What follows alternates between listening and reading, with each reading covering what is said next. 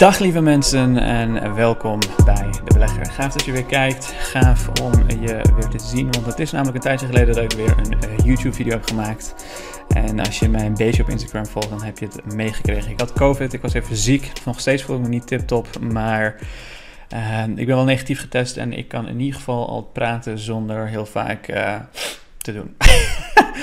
uh, anyways, goed jullie weer te zien. En uh, laten we het hebben over de aflevering van vandaag. Want het wordt denk ik een hele leuke aflevering. We gaan het hebben over vier bedrijven, vier aandelen. Waarvan ik denk dat ze de komende vijf jaar gewoon ontzettend hard gaan knallen. Ik heb er een heel groot gedeelte van mijn vermogen in zitten. In sommige van de bedrijven zelfs uh, één of twee keer uh, jaarsalaris, gemiddelde jaarsalaris van de gemiddelde Nederlander. Dus ik heb ontzettend veel vertrouwen in deze bedrijven. En dat betekent niet dat uh, ze per se het heel goed gaan doen, omdat, omdat ik er vertrouwen of iets dergelijks heb. Maar ik ga je wel uitleggen wat een beetje mijn gedachten zijn voor in ieder geval de kwartaalcijfers. En als je lid bent van de community, dan ook uh, uitgebreide analyses in de portefeuillegedeelte van de community. Dat gezegd hebbende, laten we meteen beginnen. Laten we beginnen met wat er in mijn portefeuille aan de hand is. Die blijft een beetje stabiel rond de 320k hangen. Uh, volg mij op Instagram voor dagelijkse portfolio-updates. Dan hoef je ze nooit meer te missen als je uh, me op YouTube mist.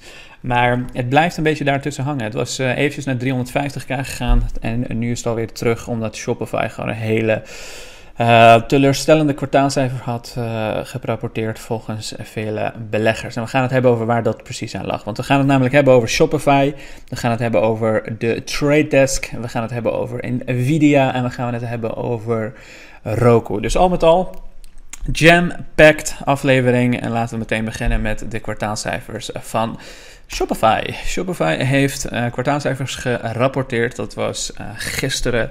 En uh, naar aanleiding daarvan waren ze, ik geloof, zelfs op een gegeven moment iets van 18, 19 procent gezakt. En vandaag zijn ze weer met een flink percentage gezakt. En laten we kijken waar dat dan aan ligt. The, last two years have been extraordinary, said Harry Harley Finkelstein as the CEO. We nearly tripled revenue. more than doubled GMV, dus gross merchandise volume, dus totaal aantal producten die hun uh, uh, shops verkopen. En de Shopify team. Dus more than doubled GMV, nearly tripled revenue. Verdrievoudigd in twee jaar tijd. And the number of merchants using Shopify nearly twice as big as 2019 levels. Uh, we are emerging from the spirit of last two years even stronger more ambitious since the accelerated leap into digital commerce, meaning we can further faster the merchants and buyers alike. As the commerce engine uh, for independent brands who want to build a direct connection with their customers and to sell everywhere, whether it's on mobile, on Main Street, or to buyers in cities you've never heard of. We head into 2020 to energized by what we can build with the unique combination of merchants, ecosystem en top talent we have today. Voor de mensen die Shopify niet kennen, uh, veel mensen denken dat Shopify alleen een e-commerce partij is die gewoon websites voor uh, uh, bedrijven maakt. Dat is zeker een gedeelte, niet het grootste gedeelte. Um, Shopify verdient vooral hun geld omdat die e-commerce bedrijven, die webshops die uh, betalen door middel van hun systemen, oftewel Shopify Merchant Solutions. En ze zijn aan het uitbreiden richting fulfillment centers, iets wat Amazon heel groot heeft gemaakt, maar daar gaan we het zo meteen even over hebben. Our merchants had an incredible holiday season. Um, eigenlijk hoeven we denk ik dit niet verder te lezen. Als je het wil lezen, kan je het in je eigen tijd doen, maar de CEO dus, is dus ontzettend bullish, ontzettend blij, ontzettend uh, dankbaar en laat de groei zien die ook gebeurd is tijdens Black Friday, Cyber Monday en alles wat er in uh, de afgelopen, het afgelopen jaar uh, aan het einde van het jaar is, is gebeurd. total revenue in the fourth quarter was 1.38 billion, a um, 41% increase from the comparable quarter in 2020.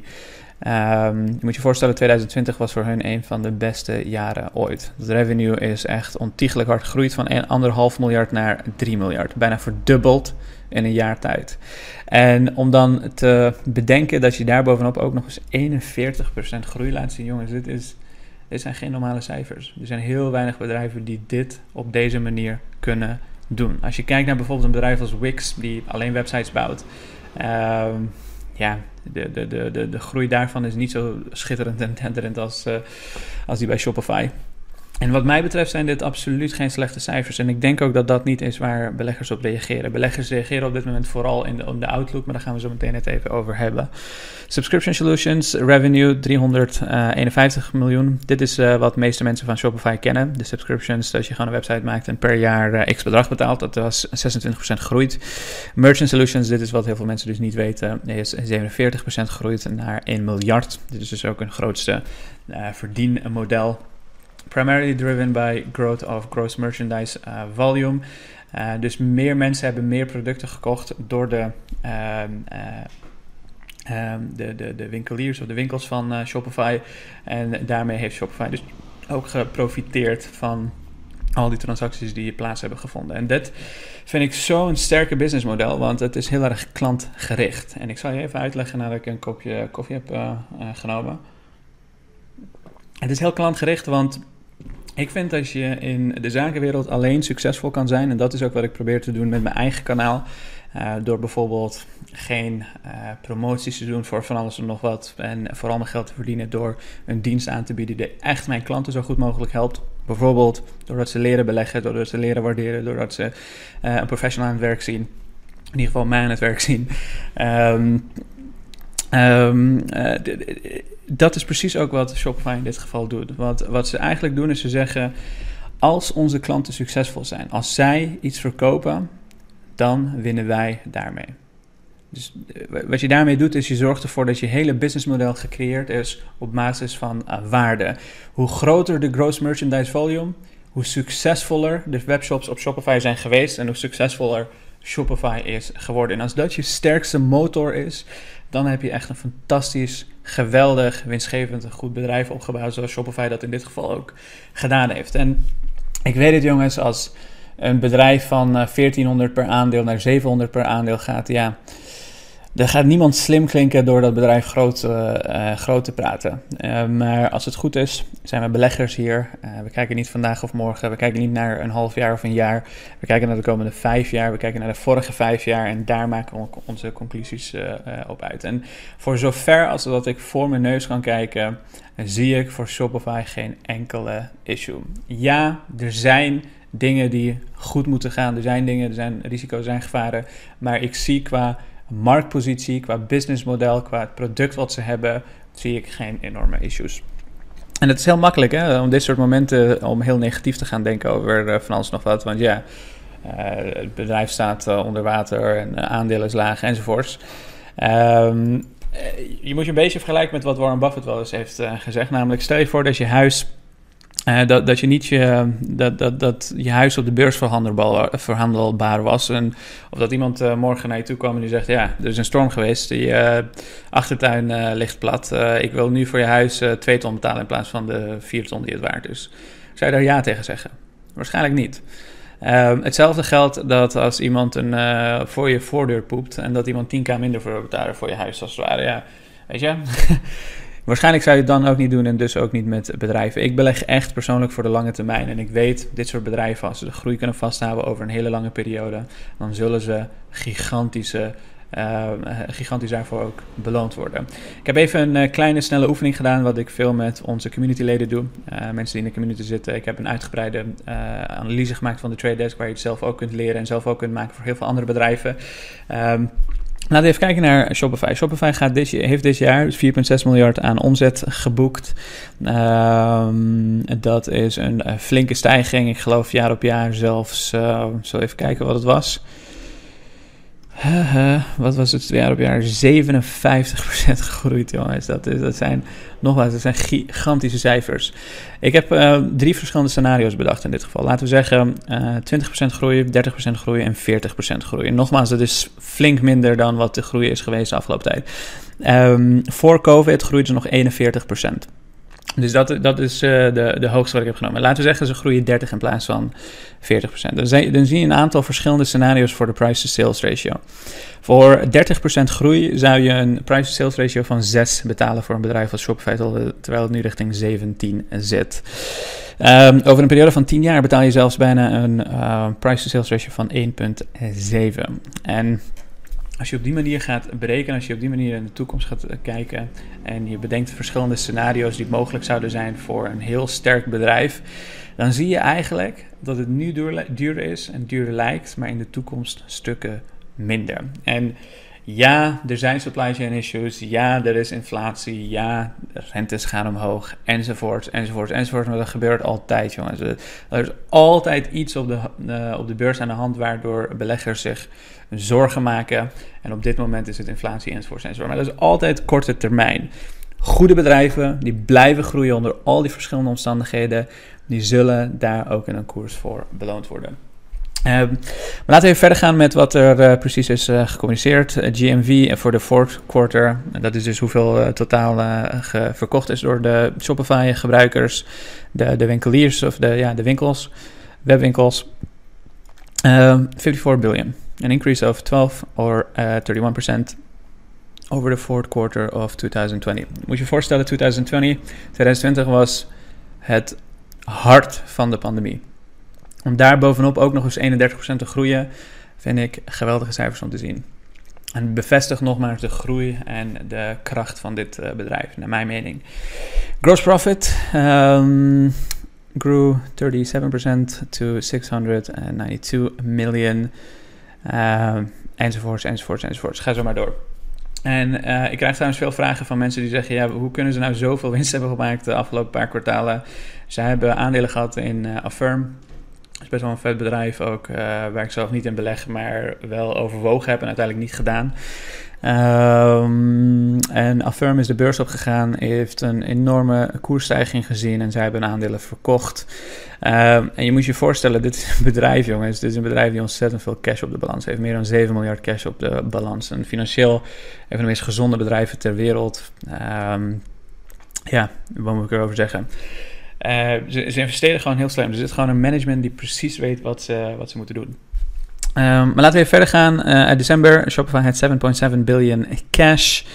Um, en marketable securities. En december, the increase, uh, the increase reflects net proceed of Shopify offering Class A subordinate share. Um, ze hebben aandelen verkoop gedaan een jaar terug.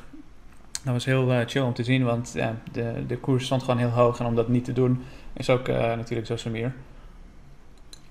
Ik vond dat een fantastische tijd om zoiets te doen. Daarmee hebben ze hun uh, cash balance uh, flink versterkt. Maar laten we verder gaan. Um, jaar 4,6 miljard, 5, uh, of 57% groei dit jaar. GMV 47% groei tegenover vorig jaar. Uh, gross profit 61% gegroeid um, en ga zo maar door. Ik denk waar beleggers vooral bang over zijn is omdat Shopify gewoon een hele ongemakkelijke guidance uh, afgeeft. uh, ze hebben het natuurlijk over de JD-partnership. Eh, dat is een Chinese Amazon.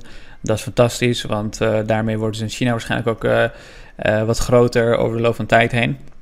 Um, maar waar ze vooral um, veel ja, last van hebben, is het feit dat ze ten eerste geen outlook geven. Dat doen ze überhaupt nooit. Maar het klinkt redelijk pessimistisch. En we zitten in een tijd waar onzekerheid gewoon heel slecht beloond wordt. Als je niet een goede outlook, eh, een, een hele duidelijke outlook eh, kan geven voor volgend, jaar. Uh, of dit jaar eigenlijk, 2022, ja, dan word je daar gewoon ontzettend voor afgestraft. Het zijn onzekere tijden, beleggers houden niet van onzekerheid en dan krijg je dit soort uh, tafereelen. En zijn heel terughoudend, ze zeggen eigenlijk niet wat de groei zou kunnen zijn. Ze zeggen wel meer dan de gemiddelde e-commerce bedrijf. Maar geen gigantische groei van 57% zoals dit jaar. En dat moest je ook niet verwachten. Ik verwacht het persoonlijk niet van ze. Um, wat analisten van ze verwachten. Laten we even kijken wat uh, analisten op Yahoo Finance ervan uh, verwachten.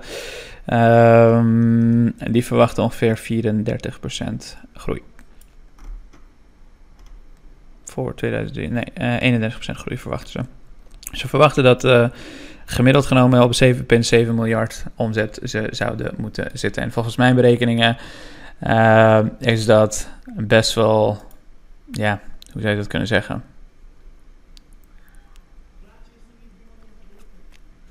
Ik denk niet dat uh, 30% uh, niet haalbaar moet zijn. Ik denk dat dat uh, prima, prima cijfers zijn. Um, maar goed, laten we het zien. Laten we zien wat ze ook daadwerkelijk gaan presteren. Feit blijft wel dat er gewoon veel onzekerheid is over Shopify voor dit jaar. Um, anderzijds, zij gaan natuurlijk veel investeren in uh, fulfillment centers. Voor degenen die dat niet weten, zijn enorme warenhuizen waar Amazon groot mee is geworden. Eigenlijk een van de, de reden dat Amazon zo groot is geworden, is klanten willen iets snel. En eh, ze willen hem zo gemakkelijk en snel mogelijk hebben. En er zijn heel weinig bedrijven die dat zo snel kunnen als Amazon om op dezelfde dag te kunnen leveren. En de reden dat dat niet kan voor kleine ondernemingen, als jij een webshop zou hebben om dezelfde dag nog te kunnen leveren, is omdat je natuurlijk niet een enorme um, ja, set aan warenhuizen hebt over heel uh, Amerika of over heel Nederland heen. Waar uh, als ik uh, iets bestel dat het over acht uur wordt bezorgd bij me. Vaak duurt dat drie, vier, vijf, zes, zeven dagen voor kleinere ondernemingen. En dit zorgt ervoor, met dit soort fulfillment centers, dat ook kleinere ondernemingen kunnen concurreren met een bedrijf als Amazon. En daar gaan ze gewoon ontzettend veel in investeren. Waarschijnlijk een miljard de komende jaren meer dan een miljard zelf. En er zijn heel veel mensen die zeggen, ja, maar Shopify heeft toch helemaal geen ervaring met dit soort dingen. Ik, eh, ja, dat brengt onzekerheid met zich mee als een bedrijf geen ervaring ermee heeft. Maar ik weet bijvoorbeeld een bedrijf als Tesla, die heeft heel veel verschillende fouten gemaakt. Maar als dat in het cultuur zit en als dat in het management zit om veel fouten te maken, daarvan te leren en over de loop van tijd heen zich te ontwikkelen, dan vind ik dat eigenlijk helemaal niet zo. Um, niet zo erg dat ze iets uh, nieuws gaan doen. Sterker nog, als ze dit goed krijgen, als ze zorgen dat ze heel veel fulfillment centers over heel uh, de VS en later ook over heel Europa zijn, dan zorg je dat je enorm veel gaat concurreren met bedrijven als Amazon. En je zorgt ervoor dat er veel meer uh, GMV komt, waar dus de groei ontzettend van afhankelijk is. Want ehm, ik weet dat er heel veel partijen zijn die ook met Amazon bijvoorbeeld samenwerken. Een uh, bedrijf als BigCommerce en WooCommerce en allerlei andere partijen die werken met Amazon samen om hun fulfillment centers te gebruiken. En dat, dat, dat is een strategie die werkt eventjes, maar het zorgt er toch voor dat een Amazon um, direct concurreert met de bedrijven die dat soort producten ook via een eigen webshops uh, aanbieden. En over het algemeen, als ondernemer wil je van begin tot eind, A tot Z in controle zijn van je van de ervaring van je klanten. En daar is gewoon heel veel onzekerheid. En mensen zeggen ze gaan een hogere capital expenditure hebben voor volgend jaar. Ze gaan uh, minder groei meemaken. En daar wordt het dus nu. Daar wordt zo'n hijs over uh, gemaakt. En ik denk dat Shopify dit kan. Ik denk dat Shopify dit goed gaat krijgen. Ik geloof in het management. Ze hebben jarenlang laten zien dat ze onder hele hoge druk kunnen presteren. En een fulfillment center hoeft niet moeilijk te zijn als je eenmaal van je fouten gaat, gaat leren. Dus laten we het zien. Dat is even Shopify. Dat is bedrijf 1, waarvan ik denk dat ze enorm gaan groeien de komende vijf jaar op zijn minst. De Trade Desk heeft ook kwartaalcijfers gerapporteerd. En wat een fantastische cijfers hebben zij gerapporteerd, jongens. De Trade Desk is een bedrijf die uh, het makkelijk maakt voor bedrijven om te adverteren op alle plekken buiten Google en Facebook om. Want de internet is veel groter. Het internet is veel groter dan Google en Facebook. Maar heel veel bedrijven maken daar geen gebruik van.